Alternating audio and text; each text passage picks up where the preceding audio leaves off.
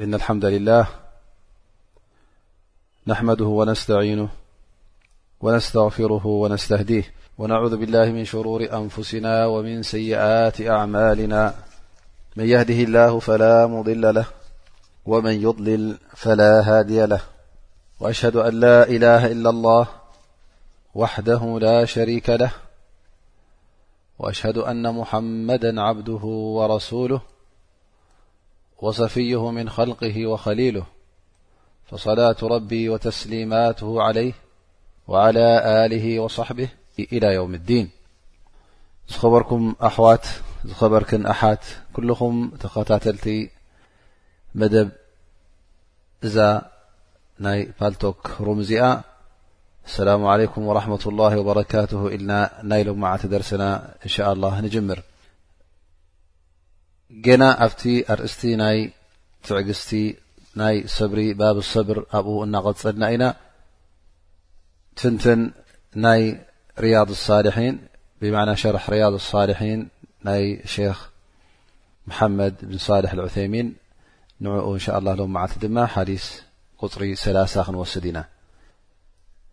حديث يبل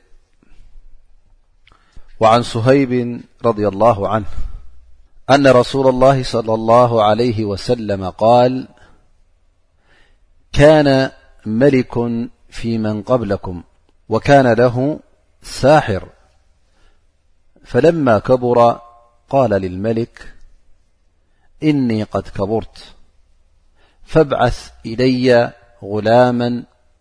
أعلمه السحر فبعث إليه غلاما يعلمه وكان في طريقه إذا سلك راهب فقعد إليه وسمع كلامه فأعجبه وكان إذا أتى الساحر مر بالراهب وقعد إليه فإذا أتى الساحر ضربه فشكى ذلك إلى الراهب فقالوإذا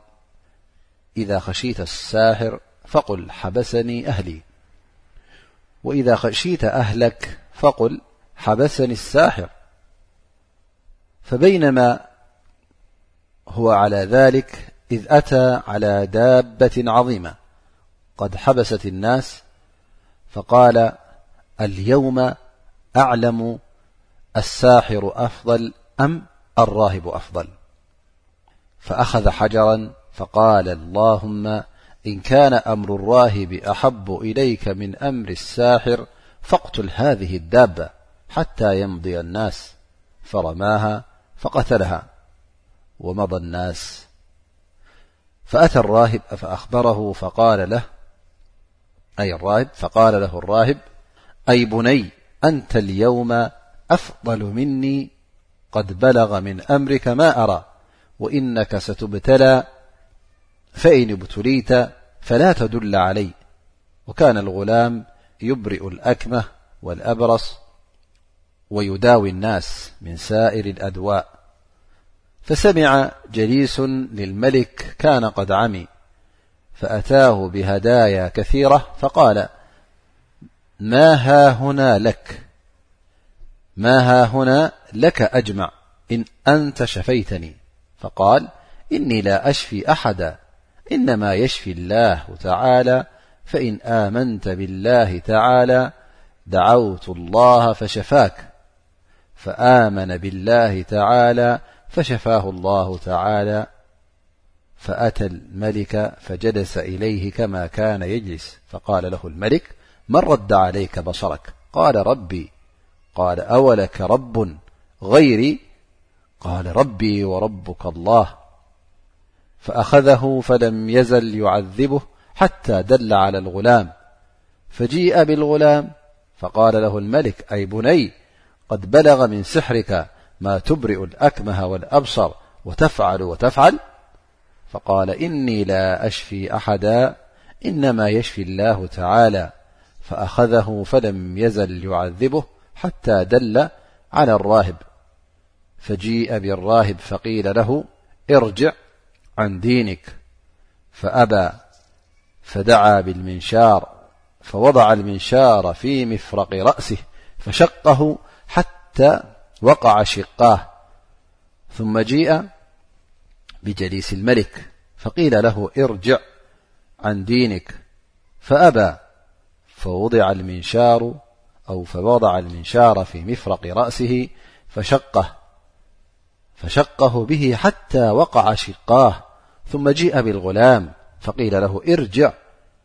عن دينك فأبا فدفعه إلى نفر من أصحابه فقال اذهبوا به إلى جبل كذا وكذا فاصعدوا به الجبل فإذا بلغتم ذروته فإن رجع عن دينه وإلا فاطرحوه فذهبوا به فصعدوا به الجبل فقال اللهم اكفنيهم بما شئت فرجف بهم الجبل فسقطوا وجاء يمشي إلى الملك فقال لهالملكما فعلأصحابك فقال كفانيهم الله تعالى فدفعه إلى نفر من أصحابه فقال اذبفاحملوه في قرقور وتوسطوا به البحر فإن رجع عن دينه وإلا فاقذفوه فذهبوا به فقال اللهم اكفنيهم بما شئت فانكفأت بهم السفينة فقرقوا وجاء يمشي إلى الملك فقال له الملك مافعل أصحابك فقال كفانيهم الله تعالى فقال للملك إنك لست بقاتلي حتى تفعل ما آمرك به قال ما هو قال تجمع الناس في صعيد واحد وتصلبني على جذع ثم خذ سهما من كنانتي ثم ضع السهم في كبدي القوس ثم قل بسم الله رب الغلام ثم ارمني فإنك إن فعلت ذلك قتلتني فجمع الناس في سعيد واحد وصلبه على جذع ثم أخذ سهما من كنانته ثم وضع السهم في كبد القوس ثم قال بسم الله رب الغلام ثم رماه فوقع فيصدغ فوضع يده في صدغه فمات فقال الناس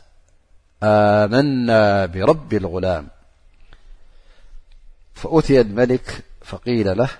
أرأيت ما كنت تحذر قد والله نزل بك حذرك قد آمن الناس فآمر بالأخدود بأفواه السكك فخدت وأضرم فيها النيران وقال من لم يرجع عن دينه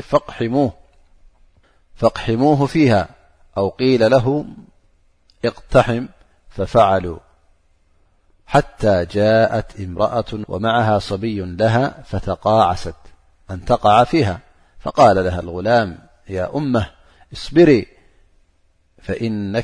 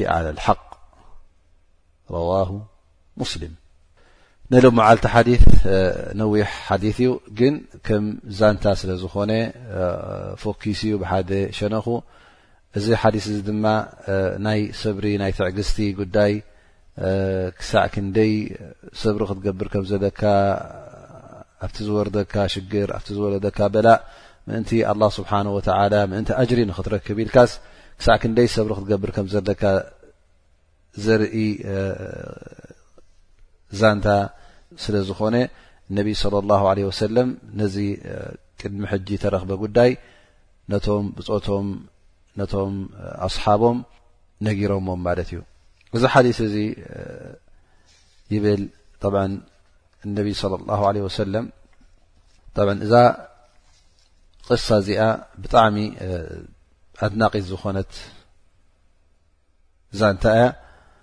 ምክንያቱ እቲ ጉዳያ ውን ኣድናቂ ሰዘይከውን ካብኣ ፋይዳ ክንረክብ ስለ ዝኮና ውን እነቢ صለ ላه ለ ወሰለም እቲ መለበሚ ዝኸውን ነገራት ንዓና ብዛንታ ገይሮም የቅርቡልና ማለት እዩ ትብል እዛ ዛንታ እዚኣ ሓደ ንጉስ ነይሩ እዚ ንጉስ እዚ ድማ ምስኡ ምስቲ ናቶም ሰዓብቱ ማለት እዩ ወይ ከዓ እቶም ንዕኡ ዘገልግሉ ሓደ ሳሕር ጠንቋላይ ገይሩ ነይሩ ካብቶም ዝማኸሩ ምስኡ ወይ ከዓ ኣቕሪቡ ዝሓቶ ዝነበረ ማለት እዩ ክሳዕ ሕጂ እውን ኣብዚ ግዜና እውን ብዙሓት መራሕቲ ሃገራት እውን ጠንቋሎ ከም ዝጥቀሙ እውን ብዙሕ ግዜ ኣብ ናይ ዜና ማዕከናት ይዝረብ ይኸውን ላኪን እዚ ጠብ ኣረሜናዊ እምነት ዘይብሉ ንጉስ ክኸውን ከሎ ብዘየገድሶ ዝኾነ ይኹን ነገር ክጥቀመሉ ስለ ዝደሊ እነሀ እዚ ንጉስ እዚ ጥቕሚ ናቱ ጥራይ ይሕሉ ስለ ዝነበረ ነቶም ህዝቡ ኩሎም ባሮቱ ገይርዎም ብጠንቆልቲ ገይሩ ብሳሕር ገይሩ ብሰረይቲ ገይሩ ይጥቀም ነይሩ ማለት እዩ ክነብር መቸም ወዲ ሰብ ኣብዛ ዓለም እዚ ኣይነብርን እዩ እቲ ጠንቋላይ ናቱ ወይ ከዓ እቲ ሳሕር ናቱ ይብሎ ኣንታ ንጉስ ኣነስ እናዓበኹ ከይዳ ኣለኹ ዕድመይ እውን እናተወደኣ ከይዳ ኣሎ ስለዚ እደክም ኣለኹ እሞኒ ስለዚ ንዓይ ዝትክ ምእንቲ ከምህረልካ እስከ ሓደ ንእሽተይ ቆልዓ ሃበኒ ኢኻ ኢሉ ነቲ ንጉስ ይሓቶ ማለት እዩ ሕራይ ንቲ ንጉስ ድማ ንሓደ ቆልዓ መቸም ክመሃር ዝኽእል ፍልጠት ክቕበል ዝኽእል ማለት እዩ መሪፁ የምፅእ ማለት እዩ ኩሉ ግዜ ከምቲ ንሕና ንፈልጦ ንእሽተይ ቆልዓ ብንእሽተኻ ትወስዶ ትምህርትን ብዕብትካ ትወስዶ ትምህርትን ሓደ ኣይኮነን እቲ ብንእሽተኻ ትወስዶ ፋይዳ ኣለዎ ወይ ከዓ ጥቕምታት ክትዕ እተ ኮይና እቲ ብንእሽተኻ ትወስዶ ትምህርቲ ኩሉ ግዜ ቀልጢፍካ ከተጽንዖ ትኽእል። ኣንጻሩ ዓቢ ሰብ ምስ ዓበየ እቲ መጽናዕቲ ናቱ ድኹም ይኸውን። ምኽንያቱ እቲ ኣብ ግዜ ንእስነትካ ከለኻ ብዙሕ ነገር ዘሸግረካን ዘሕስበካን የብሉን። ግን ምስ ዓበኻ ናይ ስድራ፣ ናይ ስራሕ፣ ናይ ውላድ፣ ናይ ገለ እዚ ኩታ ስለ ዝበጸካ ከምቲ ብንእሽትኻ ከለኻ ተጽንዖ ዝነበርካ ኣይተጽንዕን ኢኻ ማለት እዩ ከምኡ ውን እቲ ብንእሽትኻ ዘጽናዕካዮ ውን ትራፊ እዩ ነዊሕ ግዜ ብሳኻ ጸንሕ ቀልጢፍካ ኣይትርስዖን ኢኻ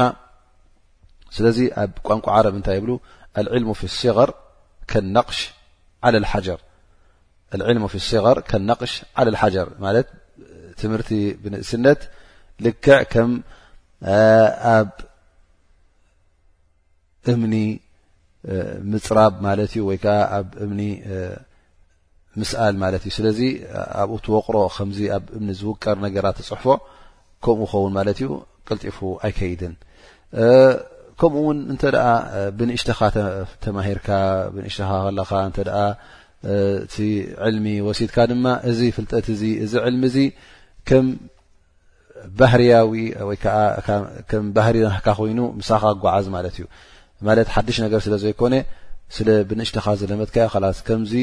ሉምሉም ነገር ኣብ ኢትካ ዝኾነ ይኹም ፍልጠት ዝሓዝካዮስ ቀሊል ነገር ይኮነ ካብ ቀፃሊ ማለት እዩ ስለዚ እዚ ሳሕር እዚ እዚ ስራይ እዚ ምስ ዓበየ ኩሉ እቲ ናቱ ክእለትን እቲ ናቱ ፍልጠትን እቲ ናቱ ዝጥቀሙ ዝነበረ ስልትታት ምእንቲ ንኸምህር እቲ ናቱ ኩሉ ተመክሮ ንኸመሓላልፍ እንታይ ጠልቡ ማለት እዩ ቆልዓ ሃበኒ ኢልዎ ከምህሮ ኢልዎ ማለት እዩ ከምዚ ምስ በለ መቸም እቲ ንጉስ በዓል ዓዲ ስለ ዝኾነ ቀልጢፉ ዝርዳእ ክእለት ናይ ተረድኦ ዘለዎ ንፉዕ ቆልዓ መሪፁ መቸም ንፉዕ ተባሃለ ንዕኡ የምፅእ ማለት እዩ እዚ ቆልዓ እዚ እንታይ ጀሚሩ ላስ መዓልታዊ ናብዚ ሳሕር እዚ ከይዱ ክመሃር ጀሚሩ ማለት እዩ እመፅእ ይኸይድ ሓደ ግዜ እናኸደ ከሎ ግልፅ ተበለ በቲ መንገዱ ንመን ይርኢ ማለት እዩ ሓደ ራህብ ማለት ዓብድ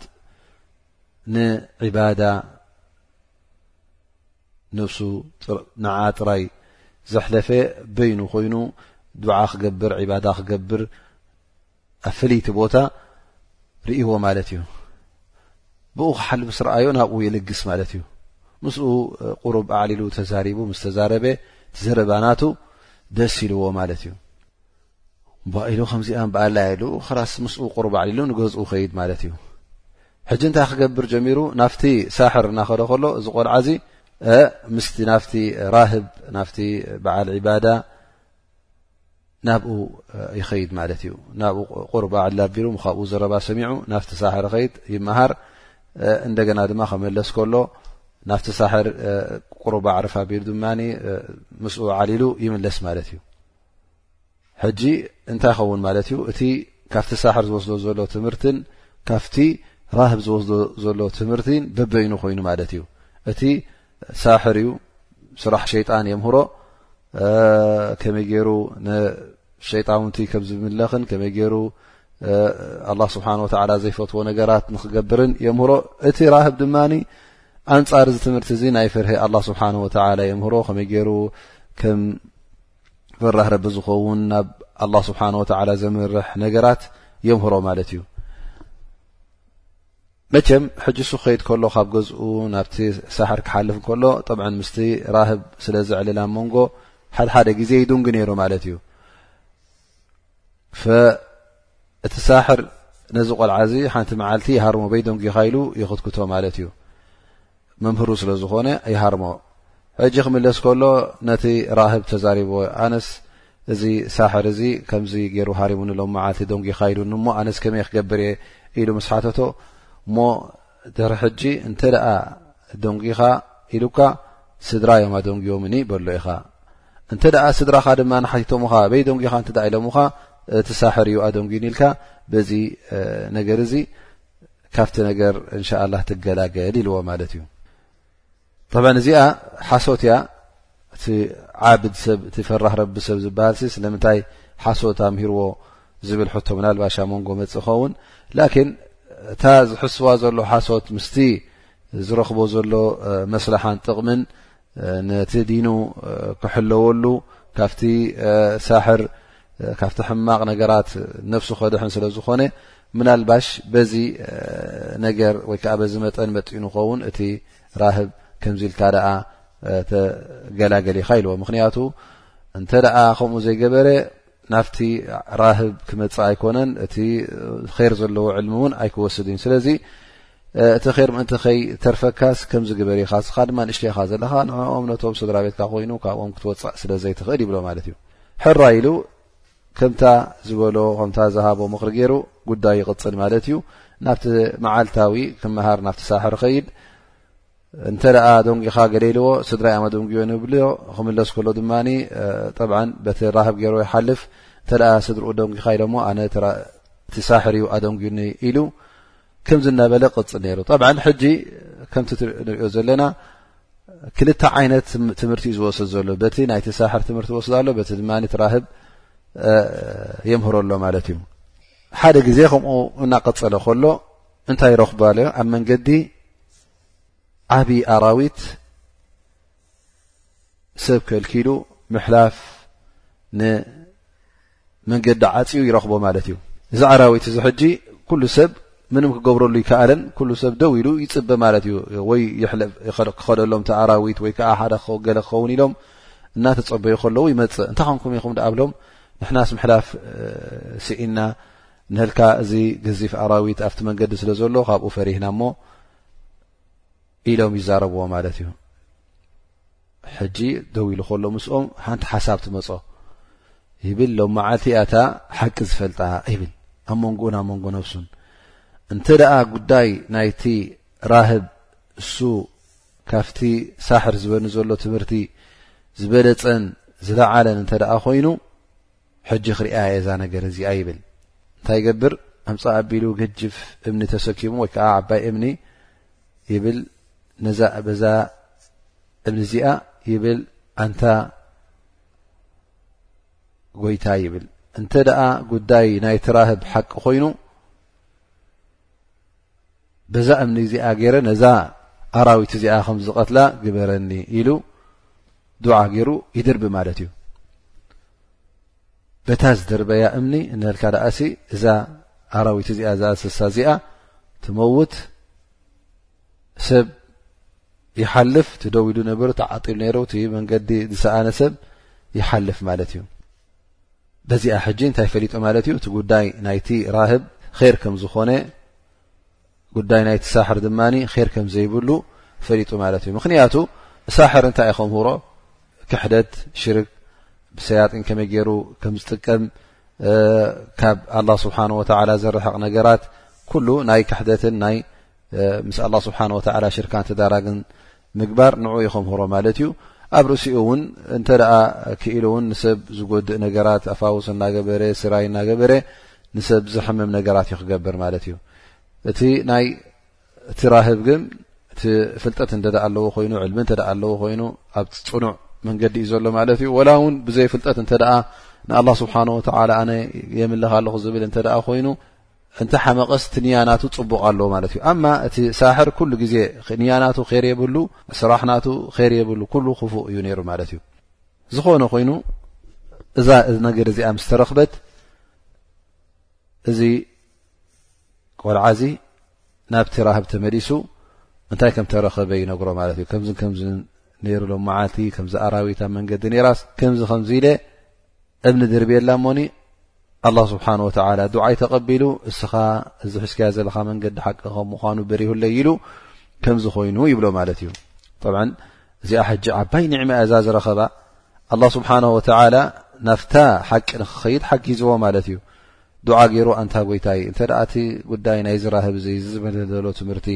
እሱ ብሉፅን ትፈትዎን እንተ ኮይንካስ ነዛ እንስሳ እዚኣ ቅተለለይ ምስ በለ ኣላ ስብሓን ወተላ ነዚ ነገር እዚ ኣብ ምሰ ተግበረሉ እዚ ንህልካ ዳኣ ዓብ ሽሻይ መን ይረኽቡ ካባና ዱዓ ጌርካ እንታ ረቢ መገዲ ሓቂ ርእየኒ ብዛ ጉዳይ እዚኣ ኢልካ ኣላ ስብሓን ወላ ነዛ መገዲ ሓቂ ክፍት ከብለልካ ከሎ እዚ ኩላህና ስኢናዮ ዘለና ኢና ኩሉ ክንደይ ኣሎ ሰብ መገዲ ሓቂ እናደለየ ክረኽባ ዘይከኣለ እዚ ዓቢ መብርሂ እዩ ማለት እዩ ስለዚ ኣብ ሸርዒ እስልምና እውን እንተ ርእና ሓደ ሰብ እንተ ገለ ነገር ገለ ጉዳይ ክገብር እተ ሓሲቡ ትንዕ ምንዕ እንተ ዝብል ኣሎ ኮይኑ ሰላት እስትኻራ ዝበሃል ንክሰግድ ነቢና ሙሓመድ ለ ላ ለ ወሰለም ሓቢሮምና ማለት እዩ እተ ትጠራጠር ኮንካ እዚኣ ነገር ዚኣስ ራ ኣለዋ ድዩ ክገብራ ዶ ኣይገብራን ኢልካ እተ ጥርጥር ኣለካ ኮይኑ እንታይ ካ ትገብር ሰላት ልስቲኻራ ትሰግድ ንኣላ ስብሓን ወተላ በቲ ዘለዎ ፍልጠትን በቲ ዘለዎ ክእለትን ክሕግዘካ ናብቲ ቕኑዕ ምእንቲ ክመርሓካ ሰላት ልስቲኻራ ምስ ሰገድካ ድሕሪኡ ኣላ ስብሓን ወተላ ናብቲ ር ይመርሓካ ማለት እዩ ናብኡ ይውፍቐካ ልብኻ ናብኡ እውን የድህቦ ወይ ሰብ እውን እሳ ትበልፅ ኢሎም ዘማኽሩ ትረኺብካ ናብኣ ትኸይድ ማለት እዩ ሰኢዘን ኣብታ ር ንክትበፅሕሲ ኣላ ስብሓን ወተላ እንታይ ገብረልካ ሰላት ረስቲኻራ ብምስጋድካ ኣላ ስብሓን ወተላ ኣብታ ቅንዕቲ የስምረልካ ዝኾነ ኮይኑ መቸም እዚ ቆልዓ እዚ ከምዚ እናበለ ብሓቂ ነቲ ናይ ትራህብ መንገዲ ስለ ዝሓዘ መገዲ ኢማን ስለ ዝሓዘ ኣላ ስብሓን ወተላ ድማ ዱዓ ናቱ ቅቡል ስለ ዝገበሮ ንህልካ ደኣሲ ቆልዑት ገና ብቆልዑኡ ከሎ ብንእሽትኡ ከሎ ሕሙማት ክሕዉ ጀሚሩ ማለት እዩ በረስ ዘለዎም ልምፂ ዘለዎም ወይ ከዓ ንፀማም ኮይኑ ገሎ ኮይኑስ ዱዓ ገብር ኣላ ስብሓን ወተላ ድማ በቲ ዱዓ ናቱ የሕውዮም ጠብ ሰይድና ዒሳ እውን ከምዝኣመሰለ ሙዕጅዛ ከራማ ገብር ነይሩ ግን ናይ ሰይድና ዒሳ ካብቲ ዝመፀና ነቲ ሕሙም ድርዝ እንተ ኣቢልዎ ብምድራዝ የሕውዮ ነይሩ እዚ ግን እንታይ ትገብር ነይሩ ዱዓ ገብር ነይሩ ማለት እዩ እዚ ቆልዓ እዚ ነቲ ራህብ ምስ ነገሮ እንታይ ይብሎ እስኻ እቲ ሎም መዓልቲ ዝገበርካዮ እቲ ትገብሮ ዘለኻ ዓብዪ ነገር እዩ እዚ እውን ዝኾነ ሰብ ዝረኽቦ ኣይኮነን ስለዚ ኣብዚ ደረጃ እዚ ካብ በፃሕካ ተጠንቀቕ ኢኻ ኣብ ፈተና ምናልባሽ ትወድቕ ክትፍትን ኢኻ ፈተና እፅበየካ ኣሎ ዓብዪ ፈተና እስኻ እውን ካባይ ንላዕሊ በሊፅካ ኢኻ ሕጂ እንታይ እዩ መብለፂኡ ማለት እዩ ንልካ ዳኣ ኣላ ስብሓን ወተላ ድዓኡ ቅበለሉ ኣሎ እጃበት ድዓ ድማ ንዝኾነ ሰብ ኣይኮነትን ትርከብ በዓል ኢማን ፈራህ ረቢ ክትከውን ከለኻ ሽዑ ኢኻ ኣላ ስብሓን ወተላ ድዓኻ ዝቕበለልካ ድዓ ምቕባል ቀሊል ነገር ኣይኮነን እዚ ራህብ ዚ ገዛእ ርእሱ ይብሎ እስኻ እኮ ካባይ ንላዕሊ ሓሊፍካ ኢኻ እስኻ ሓሊፍካኒ ይብሎ ማለት እዩ ግን ኣብቲ ፈተነ እንተ ደኣ ወዲቕካ ናባይ ገፅካ ግልጽ ኣይትበል ወይ ብዛዕባይ ኣይትዛረብ ኢኻ ኣይትንገር ኢኻ ኢሉ ይላበዎ ማለት እዩ ሕራ ኢሉ መቸም እቲ መዓልትታት ይኸይድ እዚ ቆልዓ እዚ ድማ እቲ ጉዳይ ናቱ ገደገደ ሰባት እናፈለጥዎ ዱዓ ናቱ ቅቡል ከም ምኳኑ እና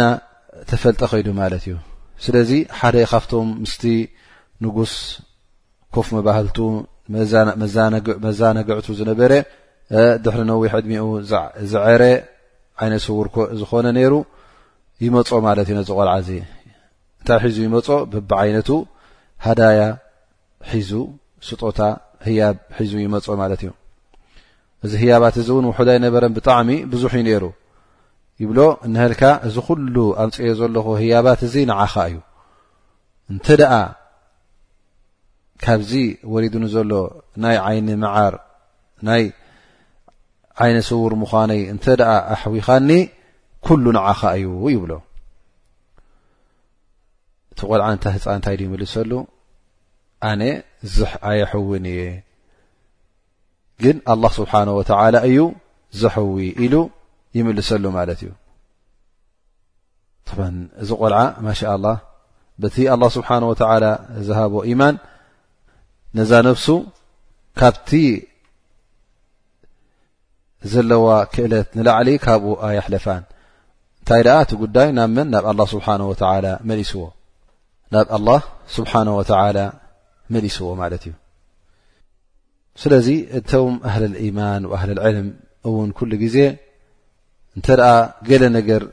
እስኻ ጌርካዮ ከምዚ ጌርካዮ እስኻ ን ክትብሎም ከለኻ እዚ ነገር እዚ ናብ ነብሶም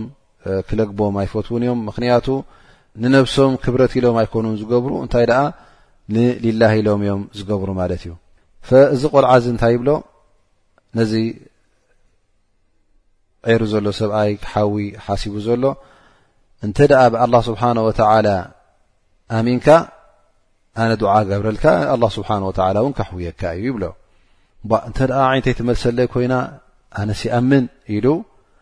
እዚ ሰብኣይ እዚ ብኣላ ስብሓን ወተላ ይኣምን ድዓ ይገብረሉ እዚ ቆልዓ እዚ ኣላ ስብሓን ወተላ እውን ኣዒንቱ ይመልሰሉ ኣዒንቱ ተመሊሱሉ ማሻ ኣላ ካብቲ ዝነበሮ ሕማም ካብቲ ዝነበሮ ናይ ዓይኒ ምስኣን ናይ ምርኣይ ምስኣን ካብኡ ሓውዩ ከም ቀደሙ ናብ መን ኸይድ ናብቲ ንጉስ ኮይዱ ንኸዘናግዖን ንኸዕልሎ ንኸይድ መስ ረኣዮ እቲ ንጉስ እንታይ ይብሎ እባ መን ደ ኣሕውዩካ እንታ ኢሉ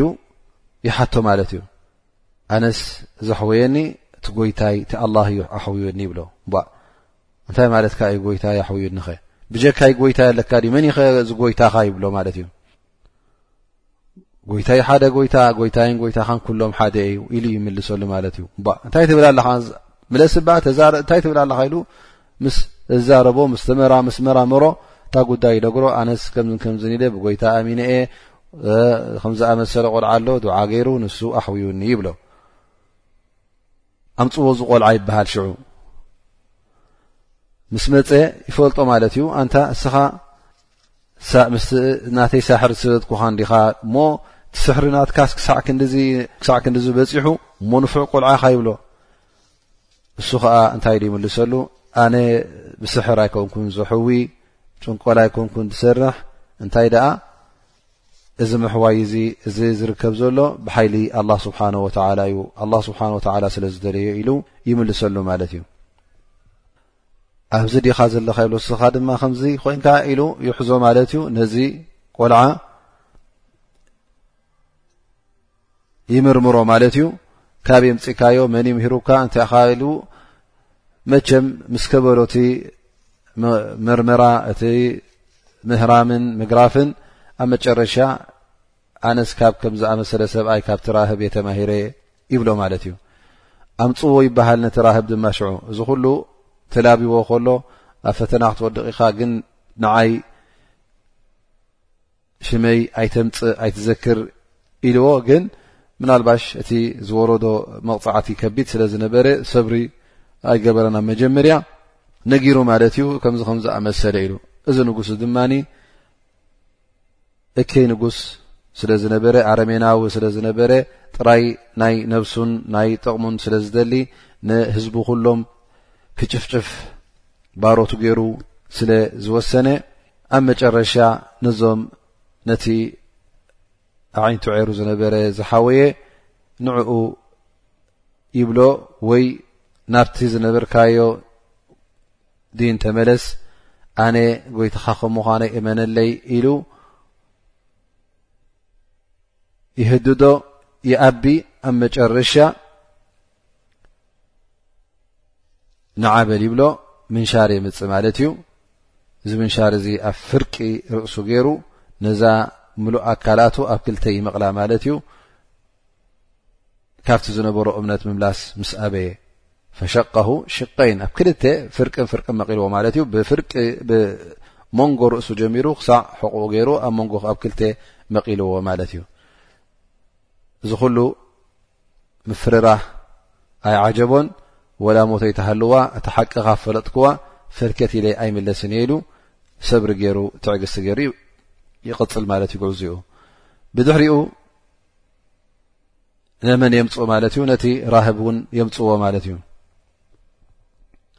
መጀመርያ ነቲ ራህብ ካልኣይ ግዜ እውን ነቲ ዕውር ዝነበረ ንክልቲኦም ናብቲ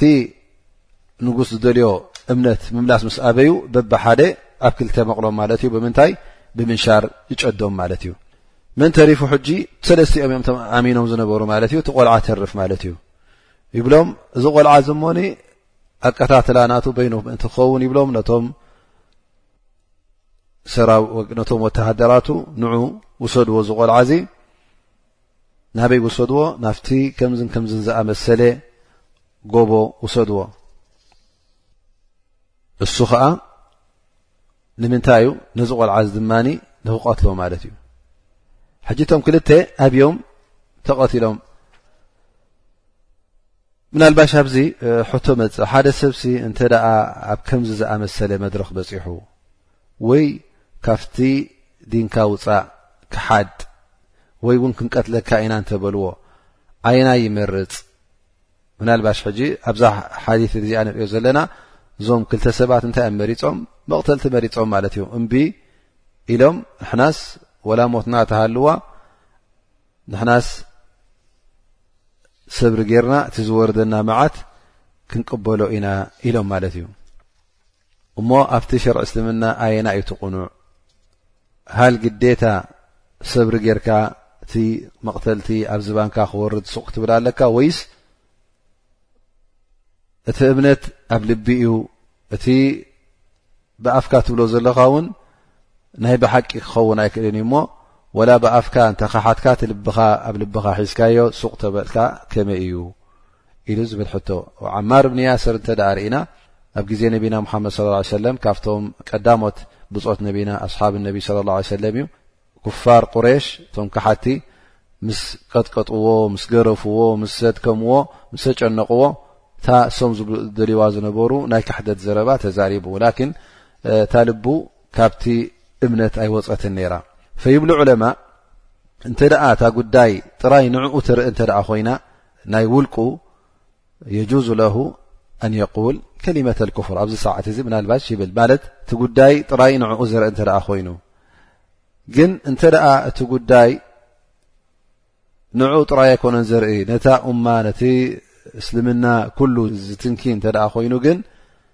ኣብዚ ሰዓት እዚ ሰብሪ ክገብር ግዴታ ይኸውን ወላ እውን ሕልፈት ናይ ነፍሱ ይሃልዎ ኣ ኣምር እቲ ጉዳይ የተዓለቅ ብዲን ኩ በቲ ኩሉ ዲን እንተ ምናልባሽ እሱ እንተ ክሒዱ ኩሉ ህዝቢ ክኽሕድ እተ ኮይኑ ኩሉ ህዝቢ ክጠፍእ እተ ኮይኑ እቲ እስልምና ብሰንኪቲ እሱ ሰብሪ ዘይምግባሩ እንተ ክንካእ ኮይኑ እዚ ሰብ እዚ ክቕተል ነፍሱ ከሕልፍ ግዴታ ይኸውን ማለት እዩ ሊኣነሁ ሓታ ወዲ ሰብ ኣብ ጅሃድ ክወፅእ እንከሎ ነፍሱ ክሕልፍ እንከሎ ምእንቲ ምንታይ እዩ ፊ ሰቢል ላህ ስለ ዝኾነ ይዋጋእ ይቃተል ይመውት ይቀትል ማለት እዩ ኣነሁ እንታይ ይደልሎ ማለት እዩ እቲ ከሊመት ላ ስብሓን ወተላ እቲ ቃል ኣላ ስብሓን ወተላ ፀብለልትነት ምእንቲ ክረክብ እዘን እንተ እዚ እውን ሕጂ ወይ ክንቀትለካ ኢና ወይታ ክሕደት በላ ወይ ከዓ ታጌጋ ዘረባ ንዓኣ ኣስምራ እንተ ዝብልካ ኮይኖም እሞ ስኻ እቲ ቦታ ናትካ ክቡር ቦታ ወይ ከዓ ኩሉ ሰብ ንዓኻ ዝርእካ እንተ ኮይኑ ኢማም እንተ ኮይንካ ኣብቲ ዲንካ ኣብዚ ሰዓት እዚ እንታይ ትገብር ማለት እዩ ትዕግስቲ ጌርካ ሰብሪ ጌርካ ተሓቂ ክትዛረብ ኣለካ ዋላ እውን ሕልፈት ናይ ነፍስኻ እንተ ኣለዋ ኮይኑ ዋላ እውን ነፍስኻ ትሕለፍ ብዝያዳ ኣብቲ ግዜ ፊትና ከውን ከሎ ክትሰብሪ ክትገብር ኣለካ ማም ኣመድ ብ ሓንበል እተ ርእና ኣብቲ ታሪክ ን ማም ኣመድ ብ ሓንበል ካብቶም ኣርባዕተ ኣእማ እዩ ነይሩ ሓደ ግዜ ኣብቲ ዝነበሮ ግዜ ኣብ ዓቢ ፈተነ ወዲቑ ማለት እዩ ንሱ ከኣ ብዛዕባ ጉዳይ ናይ ቁርን ፍጡር ድዩ ወይስ ቃል ኣላ ስብሓን ወተላ ዝብል ክልተ ርእቶ ነይሩ ማለት እዩ እቲ ቅቡል ዘይኮነ ርእቶ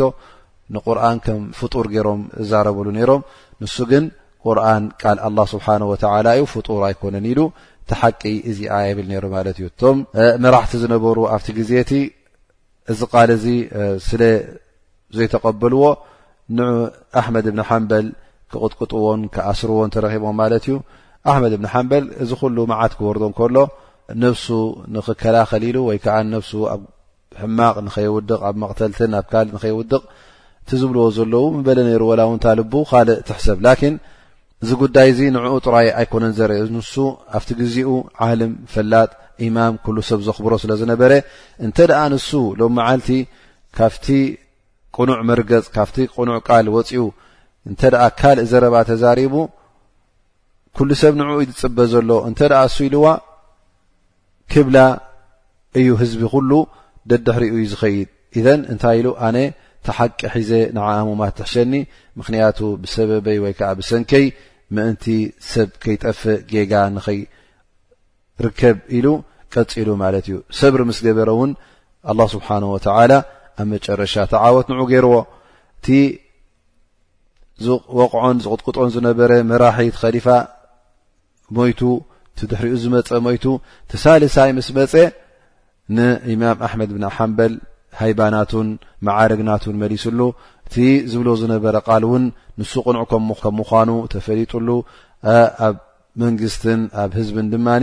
ከቢሩ ተዓዊቱ ነቢሩ ማለት እዩ ስለዚ ሰብሪ እተ ጌርካ ትዕግስቲ እተ ጌርካ መጨረሻ ቲ ዓቂባ ከምቲ ኣላ ስብሓን ወላ ዝበ ዓቂበቱ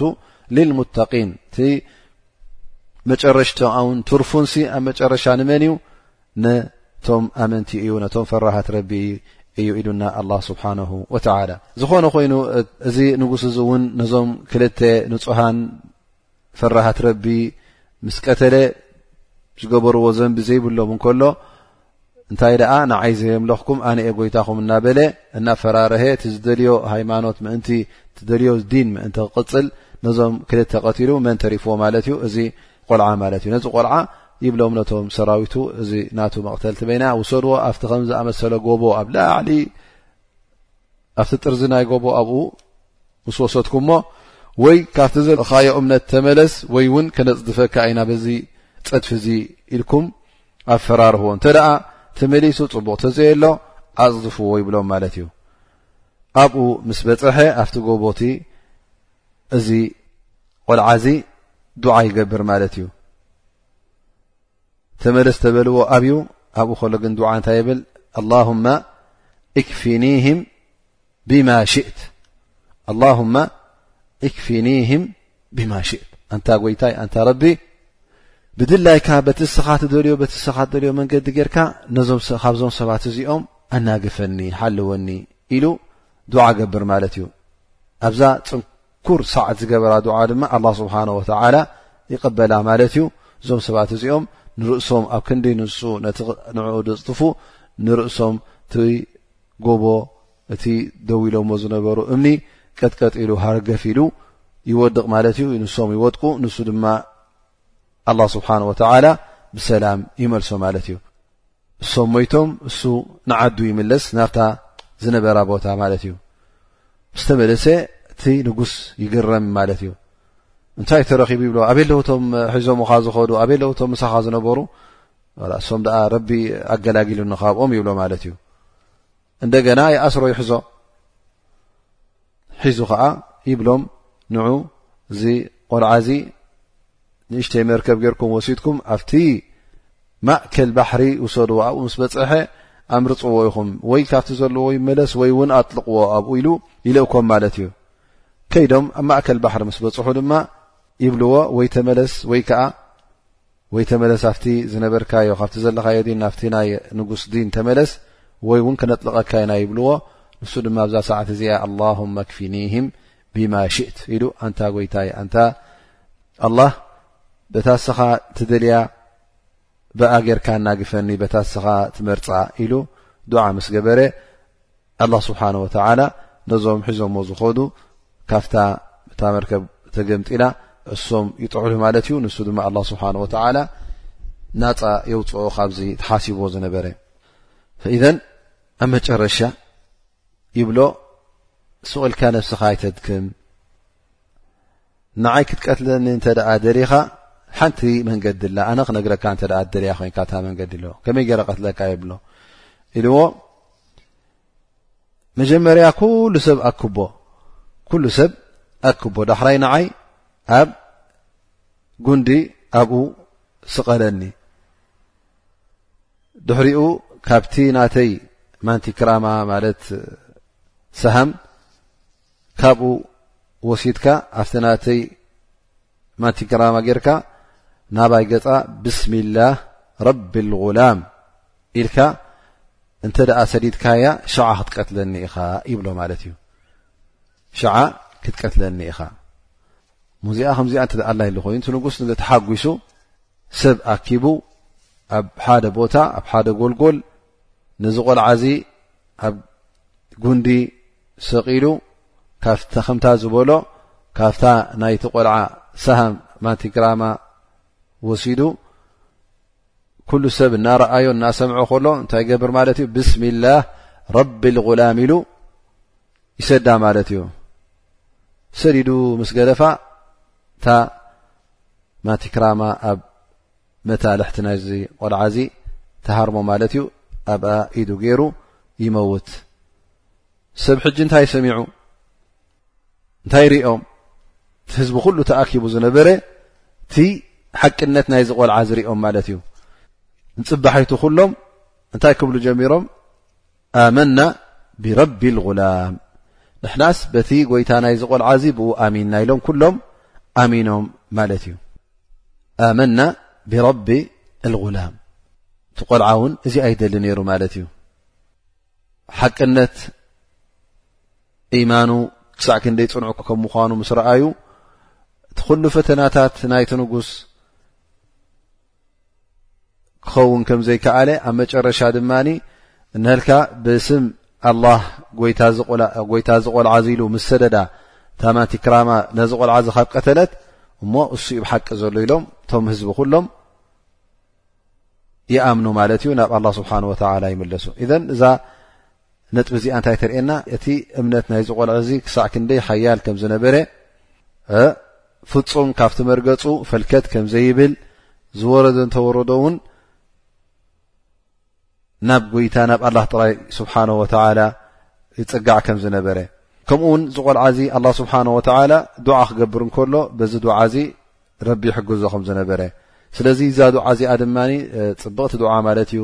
እንተ ደኣ ገለ ሰባት ወይ ከዓ ኣብ ገለ ጉድኣት ክበፅሕ እንተ ደኣ ገለ ኣጓኒፉካስ ኣላሁማ እክፊኒህም ብማ ሽእት ኢልካ ናብ ኣላ ስብሓን ወተላ ዱዓ እንተ ደኣ ጌርካ እዚኣ እውን ካብቲ መዛነል እጃባ ማለት እዩ ካብቲ ኣላ ስብሓን ወተላ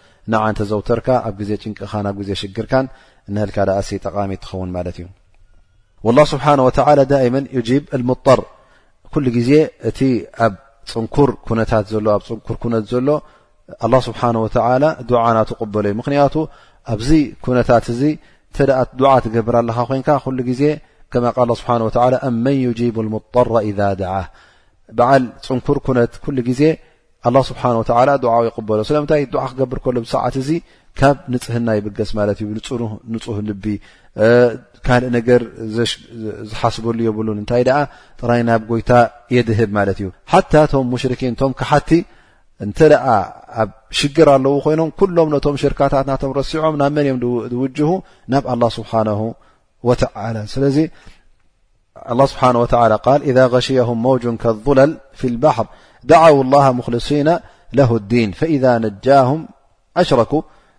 ላ ስብሓን ወተላ እዞም ሰባት እዚኦም እውን ወላ እውን ነፃ ምስ በሎም ካብቲ ወሪድዎም ዘሎ ፀበባ ናብ ሽርካኦም ናብቲ ዝነበርዎ ናብ ጭቆኦም ክምለሱ ከም ምኳኖም ኣላ ስብሓን ወተላ እናፈለጠ ከሎ ወላ እውን እዞም ሰባት እዚኦም ኣብ እጥራር ስለ ዝነበሩ ኣብ ጭንቂ ስለ ዝነበሩ እሞ ከዓ ንኣላ ስብሓን ወተላ ኣንፅሆም ዱዓ ስለ ዝገበሩ ኣላ ስብሓን ወተላ ንካሓደ እውን ናብዛ ኣዱንያ እዚኣ ዱዓ እንተደኣ ገይሩ ይቕበለሉ ማለት እዩ ከምኡ ውን ኣብዚ እንታይ ርእና ማለት እዩ እቲ ሰብ ሓደ ሰብ ክመውት ከሎ ፀላኢኡ ክቐትሎ ከሎ እንተ ደኣ መስላሓ ኣለዎ መስላሓ ዓማ ማለት ዓብይ ጥቕሚ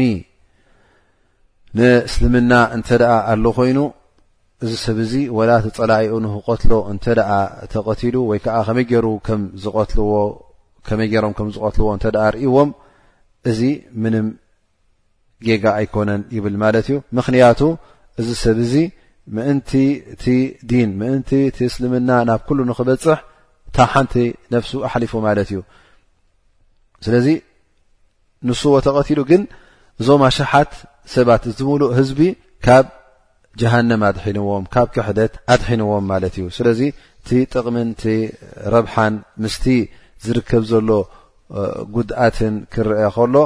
እቲ ረብሓ ስለ ዝዓቢ ስለዚ ነዚ ነገር እዚ እንተተኣ ገይሩ ጠቓሚ ይኸውን ማለት እዩ ኣብ ሽርዒ እስልምና እውን ጌጋ ኣይኮነን ብድሕሪኡ እዚ ንጉስ እዚ እንታይ ይብልዎ እቶ ንፅባሒቱ ይብልዎ እቶም ህዝቡ እቶም ብፆቱ እቶም መኻይዱ እንሀልካ በል ሕጂ እታ ትፈርሃ ነበርካ ኮነት እዚ ኩሉ ትገብሮ ዝነበርካ እታ ሓቂ እታ ናቶም ዲን ኣብ ሰብ ንኸይትበፅሕ ንኸይትዝውተር ኢኻ ግን ሕጂ እታ ትፈርሃ ነበርካ ካብኣ ኣይወፃእካን ይብልዎ ማለት እዩ እሂ እንታይ ተረክበብሎም ኩሎም ኸላስ እቲ ዝነብርዎ ዲን ንዓኻ ገዲፎም ኣመና ብረቢ ልጉላም በቲ ጎይታ ናይዚ ቆልዓ እዚ ኣሚንና ኢሎም ደድሕሪኡ ስዒቦም ይብልዎ ማለት እዩ ከምዚ ገይሮም ኢሉ እንሀልካ ደኣሲ ጠብዓ እዚ ንጉስ እዚ ጥራይ ኣነ እየ ጎይታኹም ንዓይ ስምዑ ልክዕ ከም ፊርዖን ኣነ ረብኩም ኣላ እናበለ ማ ሪኩም ኢላ ማ ኣራ ጥራይ ኣነ ዝበልኩኹም ግበሩ ካባይ ንንዮ ካልእ የብልኩምን እናበለ እዛረብ ስለ ዝነበረ ይብሎም በቃ እዛ ዓዲ ኩላ እቲ ጎደናታት ጎዳጉዲ ግበርዎ ጎዳጉዲ ገይርኩም እሳት ምልእዎ ኢኹም ናብቲ ዝነበሮ ሃይማኖት ዘይምለስ ካብዚ ህዝቢ እዚ ኩሉ ናብቲ ጉድጓድ ናብቲ እሳት ደርግምዎ ኢኹም ኢሉ ትእዛዝ የመሓላልፍ ማለት እዩ ነልካ ደኣሲ ሰራዊቱ ድማ ተኣዚዞም ጎዳጉዲ ገይሮም ነዚ ጎዳጉዲ እዚ ኩዒቶም ኩዓዒቶም እሳት መሊኦሞ ማለት እዩ ዝኣበየ ነቶም ነቲ ቆልዓ ወይከዓ ኣብቲ እምነት ናይዚ ቆልዓ እዚ ዝሰዓበ ኣብዚ እሳት ክድርግምዎ ጀሚሮም ማለት እዩ ደፊኦም ደፋፊኦም ዘእተውዎ ወይ ከዓ ካብኦም ክሃድም ናብኡ ዝኣተወ እንሀልካ ደኣሲ እታ ሰብ ኩላ ኣቃፂሎማ ማለት እዩ ኣብ መጨረሻ ወይ ከዓ ካብቲ ዚ ጉዳይ ተረኸበ ሓንቲ ሰበይቲ ምስ ህፃና ነራ ማለት እዩ ምስ ቆልዓ ንዓ ወይ ከዓ ተመለሲ ወይ እውን ኣብዚ ሓዊ ክንድርብየኪ ኢና ምስ በልዋ ቁሩብ ሰጋእ መጋእ ክትብል ምስ ጀመረት ገና እቲ ኣብ ሕቕፍኣ ዝነበረ ህፃን ቆልዓ ገና ጠቡ ዝነበረ ይብላ ኣንቲ ደይ ተዓገሲ ሰብሪ ግበሪ ኢኺ ኣብ ሓቂ እኮ ኢኺ ዘለኺ ኢሉ ይዛረባ ማለት እዩ መን እዩ እዚ ቆልዓ እዚ ገና ናይ ዘረባን ናይ ፍልጠትን ምንም ክእለት ዘይብሉ ተኣምር ኮይኑ ኣብቲ እሳት ውን እዛ ሰበይቲ እዚኣ ትኣቱ ማለት እዩ ሰብሪ ገይራ ትዕግስቲ ገይራ ካብቲ ዝዓበየ ጃሃንም ወፅኦም ግን ኣብ ኣዱንያ እዚ ኩሉ ሽግር ኣጓኒፍዎም ማለት እዩ እዚ ሽግር እዚ ድማ ኩሎም ብምንታይ ተቐቢሎሞ ንህልኩም ደኣሲ ብሰብሪን ብትዕግስትን ተቐቢሎሞ ማለት እዩ እቲ እቶም ክልተ ብምንሻር ኣብ ክልተ ተመቒሎም እቲ ቆልዓ ብማቲክራማ ተቐቲሉ እቲ ዝተረፈ ህዝቢ እውን ኣብ መጨረሻ እዚ ንጉስ እዚ ኣቃፂልዎ ላኪን እቲ ቀንዲ ነገር ኣብቲ መርግፅካ ቀጢልካ ምጓዓዝ ስለ ዝኾነ ሰብሪ ገይሮም ኩሎም ስለ ተጓዓዙ ኣላ ስብሓን ወተላ ድማ እቲ ናቶም ካሕሳ ኣብ ዮም ልቅያማ ጀና ገይሩሎም ማለት እዩ ስለዚ እዚ ዩ እቲ ትሕዝቶ ናይዛ ሓዲስ እዚኣ ናይ ሎም መዓልቲ ደርስና እንሻ ላ ከም ዛንታ ከም ቅሳ እያ መፅያ ዘላ ፅቡቅ ገይርና እውን ኣስተባሂልና ኣላን ኣስተውዒልና ኣላን ተመሲጥና ንክንከውን